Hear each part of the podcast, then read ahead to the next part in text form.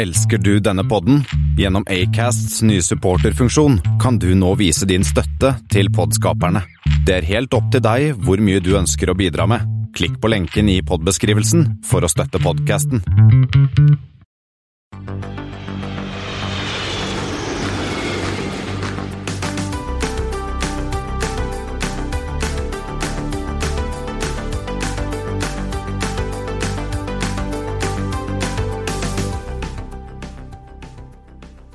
Velkommen til Flypoddens flight 145,5, som er en spesialepisode i forbindelse med at det er vinterferie her i Asker. Og det betyr at Espen og jeg har, som de gode familiefedrene vi er, tatt med oss familiene våre på fjellet for å gå på ski. Men det betyr ikke at du skal sitte en uke uten Flypodden. Derfor har vi tatt en liten Teams-call med Frode Steen, som er professor på Handelshøyskolen i Bergen, og et kjent fjes på TV. Han er en liten flyekspert som blir ringt av og til. Eh, Vi har pratet med han om norsk luftfart, og om det er plass til fire aktører på norsk innenriks, og luftfarten post korona. Det er en veldig morsom prat, som jeg håper du også liker å høre på. Jeg bare beklager at lyden er litt dårlig, i og med at det er spilt inn over Teams, og jeg tror Frode allerede dratt på hytta. Men eh, hør på dette, jeg tror du blir fornøyd. Boarding completed. Velkommen, Frode Steen. Det er første gang vi har en professor med i podden. Hvor kjekt, da. Og vi får jo bare da beklage da, Espen og jeg, som vi er jo riktignok siviløkonomer, men vi er da fra Handelshøyskolen BI. Nei, jeg er fra CBS. Nei, er du fra CBS, du? Ja. Ja, da beklager jeg. Vi har, ingen, ingen, av oss, ingen av oss har studert uh, i Sandviken, i hvert fall. Nei, men jeg har faktisk sittet på CBS et halvt år, så der, der har jeg jo vært. ja, men det er bra. Det betyr ikke så mye, tror jeg. Nei. Uh, og grunnen til at vi har bedt deg komme i dag, eh, Frode, er jo at um, du er jo en person som ofte uttaler deg i eh, media om flybransjen. Og jeg ser, jeg ser at av din CV at du har skrevet mye rundt kartellvirksomhet og konkurranselovgivning og sånne ting. Men flybransjen, er det rent akademisk interesse, eller er Jeg vil vel si det sånn at eh, det er litt av alt. Eh, Nå har jeg gått gjennom et år der jeg ikke har sittet på et fly for første gang i hele mitt liv. er det vondt? Eh, Det er vondt, eh, spesielt fordi at jeg har så heldig å ha et hus i Spania som skulle gjerne besøkt. Eh, Og masse kollegaer skulle ha jobbet med der ute. Men nei, jeg tenker at eh, luftfart har nok vært både en akademisk interesse, men det begynte, det begynte jo faktisk for 25 år siden. Der vi skrev en del både rapporter og ikke minst eh, forskningsarbeid rundt det. da. Og så etter hvert ble man involvert i en del av de store konkurransesakene i Norge. Eh, Det er helt riktig du sier, jeg er opptatt av konkurranse og karteller og den type ting. Eh, Jeg var med når Bråtens fikk kjøpe SAS. Da jobbet jeg for konkurransemyndighetene. Jeg var med i bonusdiskusjonene senere. Jeg skrev rapporter. Eh, så har det bare blitt en sånn greie at dette er en bransje jeg følger med. Jeg syns det er veldig mye spennende som skjer. Og eh, har med jevne mellomrom, eller ujevne mellomrom, så skriver jeg et paper på det, liksom. Eh, men det er riktig at det det er Jeg tror luftfart er veldig spesiell. For luftfart er sånn Når du først har lært deg litt om luftfart, så syns du faktisk så gøy at du klarer ikke å avlære det. Altså Du fortsetter å følge med. Og, og vi har jo hatt et konkurransebilde i Norge som har vært veldig spennende, der det har forandret seg over tid. ikke sant? Ja, for 25 år siden, da hadde vi fremdeles eh, Da var det Sass og Bråtens som eh, knivet. Da var det Sass og Bråtens, og vi hadde vel knapt nok åpnet eh, Gardermoen. Så da var det jo helt, eh, helt i det blå når det gjaldt konkurranse. Vi betalte høye priser, og vi eh, Det var jo like dyrt å reise til eh, København som det i dag er å reise til New York. ikke sant? Ja. Eh, og mm, vi i Flypodden har jo lenge snakket om at vi tror, eh, har, har trodd lenge at, at det er god plass for en tredje aktør. Norwegian og SAS har, liksom, har jo nå kommet seg til liksom nesten som en slags duopol. eh, Et fungerende duopol på norsk innenriks de siste årene. Eh, Og Det, så det, det, er, det er vel ting som tyder på at de har hatt brukbare dager på norsk innenriks. Ja, jeg pleier å si det sånn, jeg. Eh, hvis vi tenker oss at Norwegian har eh, i hvert fall 40 lavere kostnader enn SAS, så har vel de valgt et prisnivå i Norge som er akkurat så høyt at SAS lever OK på det, og at Norwegian nok har levd enda bedre på det, tenker jeg vi kan si. Eh, og det er klart at De dagene er vel kanskje over nå. Eh, vi har fått Wizz Air inn, eh, som for så vidt har en grunn til å være her ut ifra det at de har så vidt mange ruter ut av landet vårt òg. At det å knytte det sammen det kan være lønnsomt for dem. De har dessuten lavere kostnader enn antageligvis begge to. Resultatet er selvfølgelig at det blir en helt annen type dynamikk i konkurransen. Dette med plass til konkurrenter altså Jeg husker tilbake i tid når vi var fire flyselskaper hadde vært på London-Bergen. Jeg tror ikke det var mange som tjente penger der, for å si det sånn. Nei. Og nå er det vel fire eller fem på Oslo-London Oslo, òg? Men Oslo er litt større enn Bergen. Det er noe med Ja. det. Og, men jeg er helt enig med Det er, hygg, det det er hyggelig, å, hyggelig å høre det fra en bergenser. Ja, ikke sant? Nei, vi må jo bare innse det. Jeg syns jo det er litt trist. Jeg trodde jo lenge at Bergen-Oslo var eh, den største ruten, men det er jo ikke det engang. Det er Oslo-Trondheim som er den største ruten i Norge. Men nei, alvorlig talt, jeg tenker at um, det er nok plass til tre. Det tror jeg nok. Og det har vi snakket om lenge. Jeg har jo også sagt at jeg har ventet at en av de eh, store skulle komme og besøke oss på de store rutene. Og da tenkte jo jeg primært kanskje på EasyJet det ville vært en katastrofe. for De pleier å ta en rute. De kommer inn, og så tar de mange avganger, og så stjeler de på en måte ruten fra de eksisterende. Eller Ryan som pleier å gjøre det, de kommer inn og tar en og annen rute. Eller for den del nå som vi da altså fikk Wizz Air. Eh, men, men eh, det er tre. Eh, og det er på de store rutene. Og det er kanskje mer lønnsomt for Wizz Air enn en annen tredje aktør, nettopp fordi at Wizz Air har knyttet landet vårt såpass godt opp mot spesielt Øst-Europa på så mange byer. ikke sant? Så har de jo et, som du var inne på, et kostnadsnivå som vel knapt noen andre i Europa kan konkurrere på. Ja, Ryan klarer det jo da, men jo da, det er helt riktig. Og spørsmålet er jo i neste omgang eh, Vi, en, vi hadde jo en erfaring med Ryan her eh, en stund, og de trakk seg når luftfartsavgiften kom. Og de påsto selvfølgelig at det var luftfartsavgiften som gjorde dette. Det tenker jeg var en god unnskyldning. For det var jo en høyesterettssak på gang der de måtte begynne å forholde seg til norske lover og norsk virkelighet. Og det ville kostet de så mye mer at det hadde ikke vært så spennende å fly på Norge. Og det er klart at det er nok eh, en viss fare for at eh, norske myndigheter kan få Vi, vi kan komme dit hen at Wizz Air må forholde seg litt mer til norsk, eh, norsk arbeidsmiljølov osv. Og, og da tenker jo jeg at de har ikke så stor kostnadsforsprang lenger. Nei, for da, hvis, hvis hva skal jeg si, myndighetene slår ned på, hvis man kan bruke det, det uttrykket på altså Wizz slik de planlegger å kanskje sette opp sin operasjon i Norge, så forsvinner jo mye av deres fordel på kostnadssiden. For de vil jo nesten kanskje alltid hatt, uh, ha en fordel på kostnadssiden, men de vil jo også slite med kanskje en liten ulempe på inntekts... Ja, og det tror jeg du har helt, tror du har helt rett i. Men samtidig så er jo spørsmålet hvor mye de kan altså hvor mye av kostnadene sine de kan importere. på en måte. Men ta med Norwegian, og grunnen til at de har hatt lavere og har lavere kostnader enn SAS, er jo òg fordi at de importerer lavere kostnader gjennom basene sine ute osv. Så, videre. så det er klart at det er jo, dette er måten man drifter tingene på nå. Men, men, men, du åpner jo opp et spørsmål som jeg syns er veldig interessant, og som på en måte er like mye et EU-spørsmål som et norsk spørsmål. og Det er dette vi kaller basepolitikk. Jeg syns jo faktisk at myndighetene har noe å gjøre der. Altså, man må definere hva som er base. Man må definere hva som betyr at man har en base i et land. For da definerer det indirekte hvilke rettigheter arbeiderne skal ha. ikke sant? Og Der har EU vært litt sånn unnvikende, og Norge har egentlig ikke tatt ordentlig tak i det heller.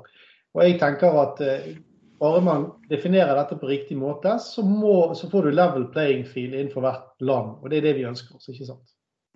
Jeg tenker at når EU kom med frisleppet innenfor luftfart på 90-tallet, så, så, var jo den, den, måten å drive på sånt, som Ryanair og Wizz Air og, og til dels også EasyJet og Norwegian har gjort, er, var jo ingen som tenkte på den gangen.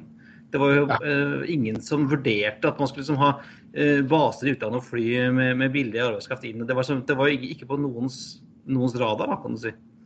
Nei. Og det er klart at uh, verstingene her er nok ikke Norwegian, men er jo verstingen f.eks. Ryanair, sant, som har nullkontrakter. De har, de har mye løsere De tillater helt andre typer lønnsbetingelser, og de er ikke så opptatt av nasjonale regler på det.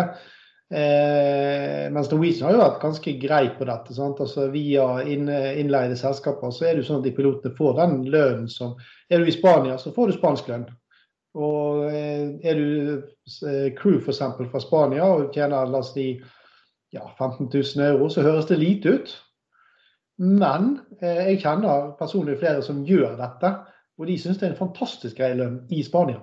Ja, ja for det, det, er jo det er et utgangspunkt. Den lav lønn er si, spansk lønn i Spania, så blir kanskje problemene når det blir rumensk lønn i England, f.eks. Nettopp. Og det er der basepolitikken kommer inn. Da, de må gjerne la rumenere få jobbe i England, men da skal de ha engelsk lønn.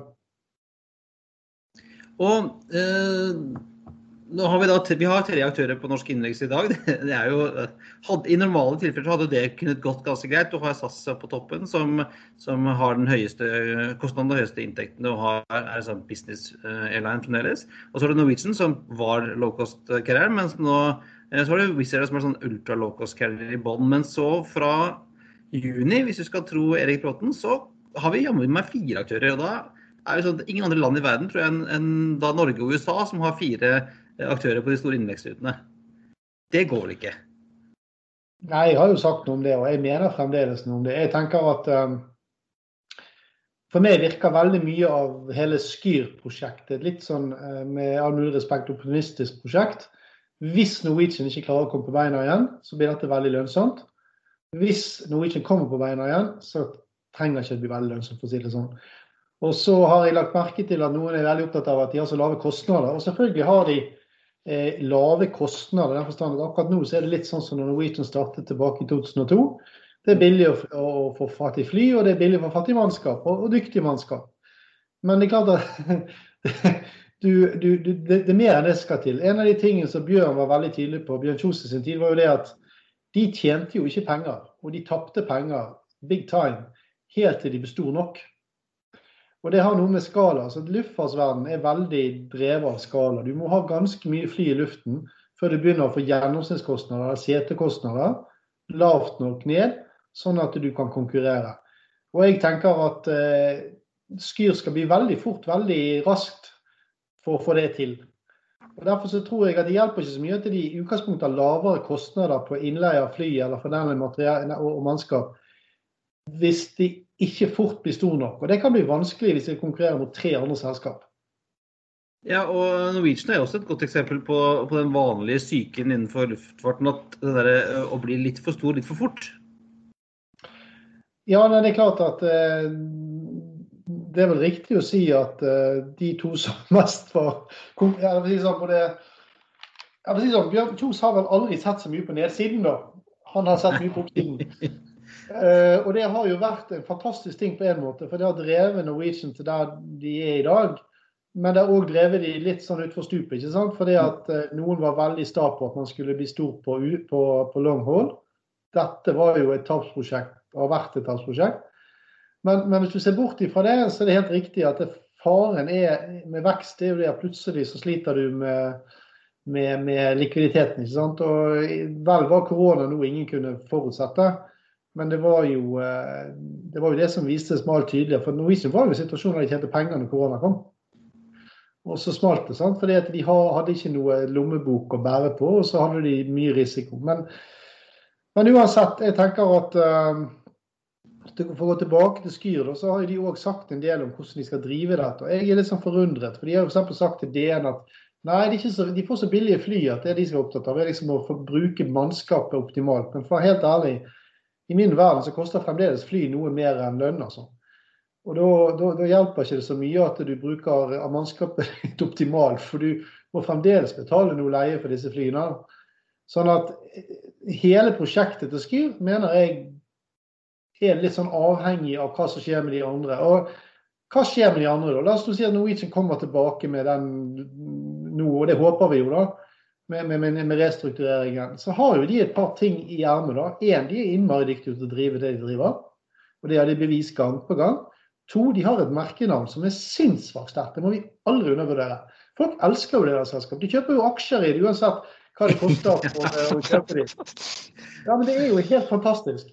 Og, og, og der, den kombinasjonen der Eh, og, og, da med drift og helt sikkert operativ etter hvert på Asa igjen i Spania sånn, med nordmenn som skal til hus og hytter og vet ikke alt.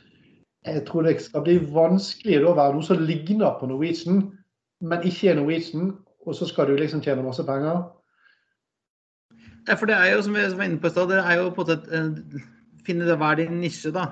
Og, og Flyer og Norwegian ligger jo i akkurat De er jo det samme det, er jo, det ene selskapet er grønt, og det andre er grønt, ellers er de helt like. Tenker jeg da. Ja. Og til alt overmål så høres det ut som en yoghurt. Nei, det er helt riktig. Men, men poenget er at for å være helt altså, Det er masse kompetanse i dette selskapet. Det er tydelig at folk er villige til å betale penger for dette. Men det har vi jo sett gang på gang. Altså, det finnes jo fantastiske sitater av Warren Buffett om det å investere i luftfart. og de går jo på det samme hver gang. Det er liksom sikreste måten å gjøre seg fattig på, det er å bruke penger på luftfart. ikke sant? Eh, de, hvis du ser på på en måte, hva skal jeg kalle det for da, den vertikale kjeden da, eh, innenfor eh, luftfarten. sant? Altså Alt fra Avinor til de som driver med bakkemannskap osv. osv. Alle de som leaser fly osv. Ja, det er jo luftfart som kommer. Det er jo, det er jo flyselskapene som ikke tjener penger. Sant? Eller tjener lite penger. Sånn at det er jo en bransje med masse risiko. Og, og, og så tenker jeg som du sier, de skal, de skal, konkurrere i et segment der de er helt like noen andre. Sant? Wizz har alt den fordelen at én, de, de, eh, er ultra lavkost og har ultra på en måte lavkosttilbud. Det betyr at de tiltrekker seg én type kunder mer enn andre. Og de har et ekstremt godt fotfeste mot Øst-Europa. ikke sant? For det, de har fryktelig pendler. Ja, og er det noe vi har lært uh, i det siste året, så er det at vi har sinnssykt mange mennesker som reiser til Norge for å jobbe uh, fra Øst-Europa hele tiden. Ja, og Wizz frakter de. Sant? Ja. Ja, for, hvis vi kan gå litt tilbake til Wizz. Uh, de, de, de, har jo definitivt kommet for å bli mellom Norge og, og Øst-Europa. Men kan man risikere at de på norsk innenriks havner litt, ender opp som Lidl? Er det en risiko for det? At de liksom blir kan ikke si, mobbet eller fryst ut, slik at de rett og slett ikke får de volumene de trenger for at det skal gå rundt? Og at de derfor velger å trekke seg, selv om de har lavest kostnader? Det første har jo de lommebok å tære på, men uh, hvis vi da ser på liksom, folks etterspørsel etter fly, så er mitt, min følelse veldig ofte at uh, bare det er billig nok, så flyr folk. Uh, og her er det billig. Men det er klart at Ta Lidl-historien. Lidl hadde, var noe helt annet. Det var så mange, var så mange ting med det, uten å gå inn i det. Men det er klart at de, de kom òg med et veldig annerledes produkt. Sant? Eh, av en eller annen merkelig grunn så likte ikke norske konsumenter verken norsk øl eller nei, tysk øl eller tyske pølser. og Det er beyond me, men, men, men det funket dårlig. ikke sant? Men her kommer du med et veldig homogent produkt. egentlig. Du kommer med et lavkostprodukt som ligner på et annet lavkostprodukt, bare til billigere. Og, og, og, og det utløser etterspørsel. Sånn er det altså. Så hvis vi skulle, skulle tvinge deg til å si hvem, hvem, gir seg først, hvem, hvem tror du, Frode? Altså, det blir jo veldig vanskelig å, å, mene så mye om det, men du kan si det på den måten, da. Eh, selv et oppkapitalisert Skyr vil måtte brenne mange millioner til å begynne med. Så det er spørsmål om hvor lenge de kan brenne penger. Norwegian hvis de får en løsning som ligner på den skisserte, altså den vi liksom leser om, så tenker jo jeg at i prinsippet, hvis nå vi får vaksiner på plass og alt, så kan jeg ikke forstå annet enn at de kan, de kan leve det norske markedet ganske bra. Eh, og så er det en tredje ting vi ikke har snakket om, og det er jo det at eh, konkurransen fra SAS og Norwegian den var jo drevet litt av at SAS hadde så mye eh, businesspassasjerer som betalte så bra at de kunne selge setene bak ganske billig. ikke sant? Mm. Det er ikke sikkert at SAS kan gjøre i fortsettelsen. For det at vi kommer til å sitte sånn som vi tre gjør nå, oftere på Teams, og vi kommer til å ha mindre reising. Og det blir mindre fleksible billetter. og Det betyr at SAS er ikke like konkurransesterk mot eh, på en måte disse andre. da. Og Dermed så tenker jeg at det blir om noe mer rom der. da. Altså de, de, mister noe av sin det som jeg kan kalle inntektsfordelen deres, da. Ja, rett og slett. For det er klart at uh, de hadde både høyere kostnader og høyere inntekter. Men hvis inntektene begynner å svikte, så blir jo det tøffere. Og ja, så det, det, det, så du vet li, akkurat like lite som oss, egentlig, Frode? ja, det kan du si. Nei, det, det, det kommer jo veldig mye an, sånn, veldig mye an på liksom, hvor lenge gidder uh, Wizz å putte inn penger i det norske markedet. Uh, hvilken løsning har Norwegian på andre sida? I hvilken grad vil SAS fortsette å være, ha, ha noen konkurransefordel i det norske markedet? Ja, det, det, blir ikke de, kommer ikke til å slutte å ringe deg fra NRK, i hvert fall. Kan jeg tenke meg. Nei, og det kommer ikke til å slutte å være spennende. Jeg tenker du like mye det, da. Men, det, men det, dette med glasskuletenking Jeg tenker at eh, det er veldig vanskelig å tenke noe glasskuletenking når hele forutsetningen er når vi begynner å fly. Og det vet vi, det vet vi veldig lite om. Og så på toppen av hele så vet vi òg veldig lite på om denne nye normalen, da. Hvordan den ser ut. Vi kan spekulere selvfølgelig rundt den, men det, den blir jo ikke det samme som det vi hadde. Jeg husker, jeg husker de sa etter 2002 da, sa, ah, nå, skal vi, nå skal vi alle bruke videokonferanser. Og så gikk det jo rett opp igjen. Så kom det, hadde vi den samme rundt uh, finanskrisa 2008-2009. Ja, nå skal uh, folk slutte å fly. Og det har ingen, ingen, som har fløyet så mye som, når vi kom til 2011-2012. altså. Nei, jeg mener 2020. Nei da, det er riktig. Men, uh, men jeg, jeg, tenker at det som er forskjellen, er at når vi har sittet i et helt år, og det eneste reelle alternativet har vært å sitte på Teams eller på, på Zoom, da er det klart at eh, det forandrer ting. Altså, Vi har ansettelsesseminar nå på Zoom. Eh, det var helt utenkelig før. Eh, jeg har vært med på noen sånne webinarer. De er jo ørkes og kjedelige, men de fungerer jo. Og, og, og, det er klart Jeg har gitt foredrag på Zoom nå til, til grupper. Det er klart at dette går an. Eh, så spørsmålet blir egentlig hvilken type reising får vi mindre av. Og jeg tenker Kostnaden for meg til å ha, tre timers møte i Oslo fra Bergen, så er det jo gjerne sånn at i Oslo vil gjerne starte klokken ni. Eh, det er jo at jeg står opp klokken fire om morgenen, sant? og så er jeg hjemme når klokken er fem. Den tenker jeg, Der tror jeg kommer til å skje noe med reisingen vår. Ja, ja, det er enig. Det kommer både til vanskelig å, å selge inn den til sin eh, leder og til seg selv og til kona, tenker jeg. At det er vanskelig å få gjort.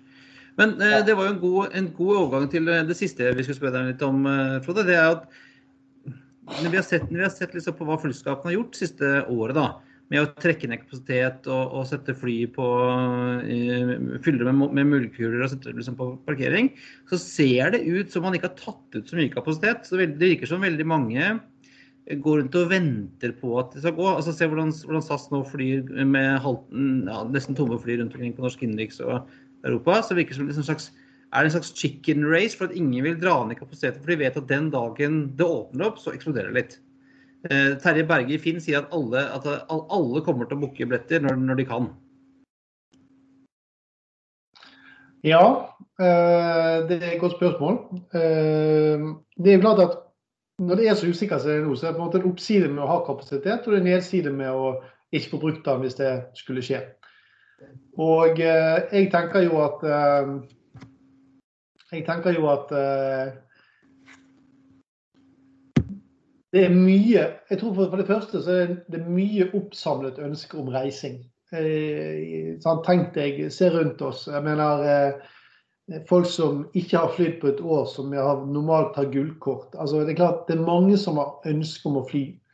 Så det kan godt være at det kommer mye mer til å begynne med enn det vi tror. Jeg tror på en måte denne langsikt... Altså, for å si det sånn Hvis vi tre får lov å reise til varmen etter juni i sommer, så reiser vi. Nesten uansett oh, yes. hva det koster. Ja. Men det er ikke sikkert at når vi har liksom gjort oss ferdig med disse reisene og fått oss en oval helg her og der, og sånn, og vi begynner å komme ut på høsten, at den nye normalen er like høy. Det kan til og med være at altså, det, er ikke, altså, det er ikke gitt hvordan dette blir, men jeg tenker jo på en måte at eh, vi vet at på lang sikt blir det mindre businessreiser. Det tror jeg alle som blir spurt, sier det samme. Men når det er sagt, så tror jeg at det er ingen grunn til å tenke at det ikke blir like mye transport av oss på fritiden. Og da tenker jeg at eh, det er veldig dumt å legge ned halve flåten, og så oppdager det at nei, det var, vi må sitte og se på alle de andre ta denne gevinsten.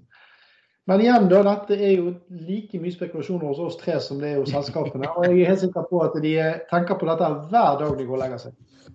Ja, uh, Michael O'Leary skal jo ha sagt en gang at uh, it's a challenge every day in the industry not to do something stupid. Uh, og han er jo en fyr som ikke gjør dumme ting. Og, og, og fra, fra, han, fra, fra Ryanair så hører vi det at, at de er egentlig klare, de, Men når, når, ting åpner, til å bare rykke inn og ta markeder. Det er jeg sikker på at vi kommer til å se. Nå har jo sånn, Wizz Air vært litt sånn preemptive og tatt Norge. Men uh, skal ikke se bort fra at Ryanair suser inn i andre markeder og bare tar den lederkapasiteten. Nei, det er klart at det som er spesielt nå, er jo det at veldig mange selskaper har fått hjelp. Eh, så kan man godt diskutere den biten, biten og det er egentlig interessant. For det er veldig ulik grad av hjelp i forhold til eh, størrelsen på selskapene. Men, men veldig mye av hjelpen har kommet via eh, kjekke lån, da. Men lån skal jo tilbakebetales. Ja, jeg, jeg, har jo hevdet at svært mye av disse statlige lånene kommer til å ende opp bli konvertert som egenkapital. Det kan godt tenkes, men det som er spørsmålet er på en måte når du først sitter der med den balansen du engang sitter, og du kommer til eh, la oss si, en eller annen normal situasjon, så heter ikke du verken Wizz eller Ryanair i forhold til å ha en enorm lommebok. Du er i en situasjon der du akkurat liksom klarer deg. Og da kan ikke du satse like aggressivt og svare like aggressivt som disse andre kan. ikke sant? Så det er klart at For, for, for Brian Larry, altså Leary gjør kanskje noe veldig smart her. Han tenker jeg er så sterk at jeg tåler dette. her. Og når jeg er sterk når jeg kommer tilbake, så øker jeg lavkostandelen min med x antall prosentpoeng. Og fine. Ikke sant? Ja. og så er det jo en sånn uh, slags sånn bevis på luftfartens uh, uh, iboende vilje til å overleve. Da. At de har jo klaget nå, Alle selskapene har jo klaget, kanskje bortsett fra Ryanair, over uh, lave marginer og, og, lave inntekter nå de siste 10-15 årene. Allikevel så har de aller fleste klart seg nå et år nesten uten inntekter. Ja, med unntak av et par av de store. Da. Det er jo ganske ja. store tall vi snakker om nede i Europa på, på støtte, støtte, støttetall. Men, men, men, men, jo da. Eh, men så er jo spørsmålet på en måte hvordan og hvordan de har finansiert dette. da. Men det må jo bety at dels har man noe penger, og dels er det folk som er villige til å finansiere, altså private eiere som er villige til å finansiere, for de tror på en fremtid. da. Ja, skal du kjøpe aksjer i Skyr, eh, Frode? Jeg eier ikke aksjer i noen selskap. Eh, jeg mener faktisk ikke i noe selskap, men i hvert fall ikke i noe luftfartsselskap. Jeg ville følt meg veldig komplisert hvis jeg skulle liksom diskutere dette med et sånt utgangspunkt. Ja, det skjønner jeg. Um, jeg tenker at uh, da, da, sier vi tusen, tusen takk, eh, Frode, for at vi, du stilte opp i dag. Bare hyggelig. Og så får vi ønske deg en fortsatt god vinterferie når den tid kommer. Jo takk, det blir ikke noe fly. Nei, det, det, altså det fins ikke noen sjøfly som dupper ned i Sandviken, eller? Jo da, det finnes mange varianter. Og de går selvfølgelig fremdeles fly til Oslo. Men poenget er at, uh, at nå for tiden så har det jo blitt sånn at uh, man kombinerer gjerne Oslo-møter er faktisk kombinert med at det er kjørt nedom. Så det, sånn Nei, vi, får håpe, vi får håpe at, du snart kan reise tilbake til Spania og sjekke at huset står. Det gleder jeg meg veldig til, av veldig mange gode grunner. tusen, tusen takk. Ha det. Takk.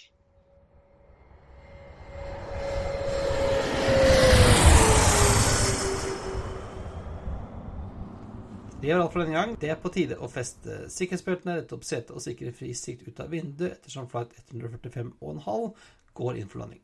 Du finner ingen linker til noen ting på flypodden.no i dag, men fine bilder av flyene du kan se på norsk innenriks til våren. Du finner oss også på facebook.com slash flypodden, på Twitter at flypodden, Instagram at flypodden og på LinkedIn. Har du spørsmål, vil du invitere oss på flytur, vil du sponse oss, vil du være gjest, eller har du noe du vil ha på, hjertet, send oss en mail til hallo at flypodden.no, eller en melding på Facebook. Vi er tilbake med vanlig sending neste uke. Ha det bra. We thank you for flying with us today. We truly appreciate your business and look forward to serving you on a future flight.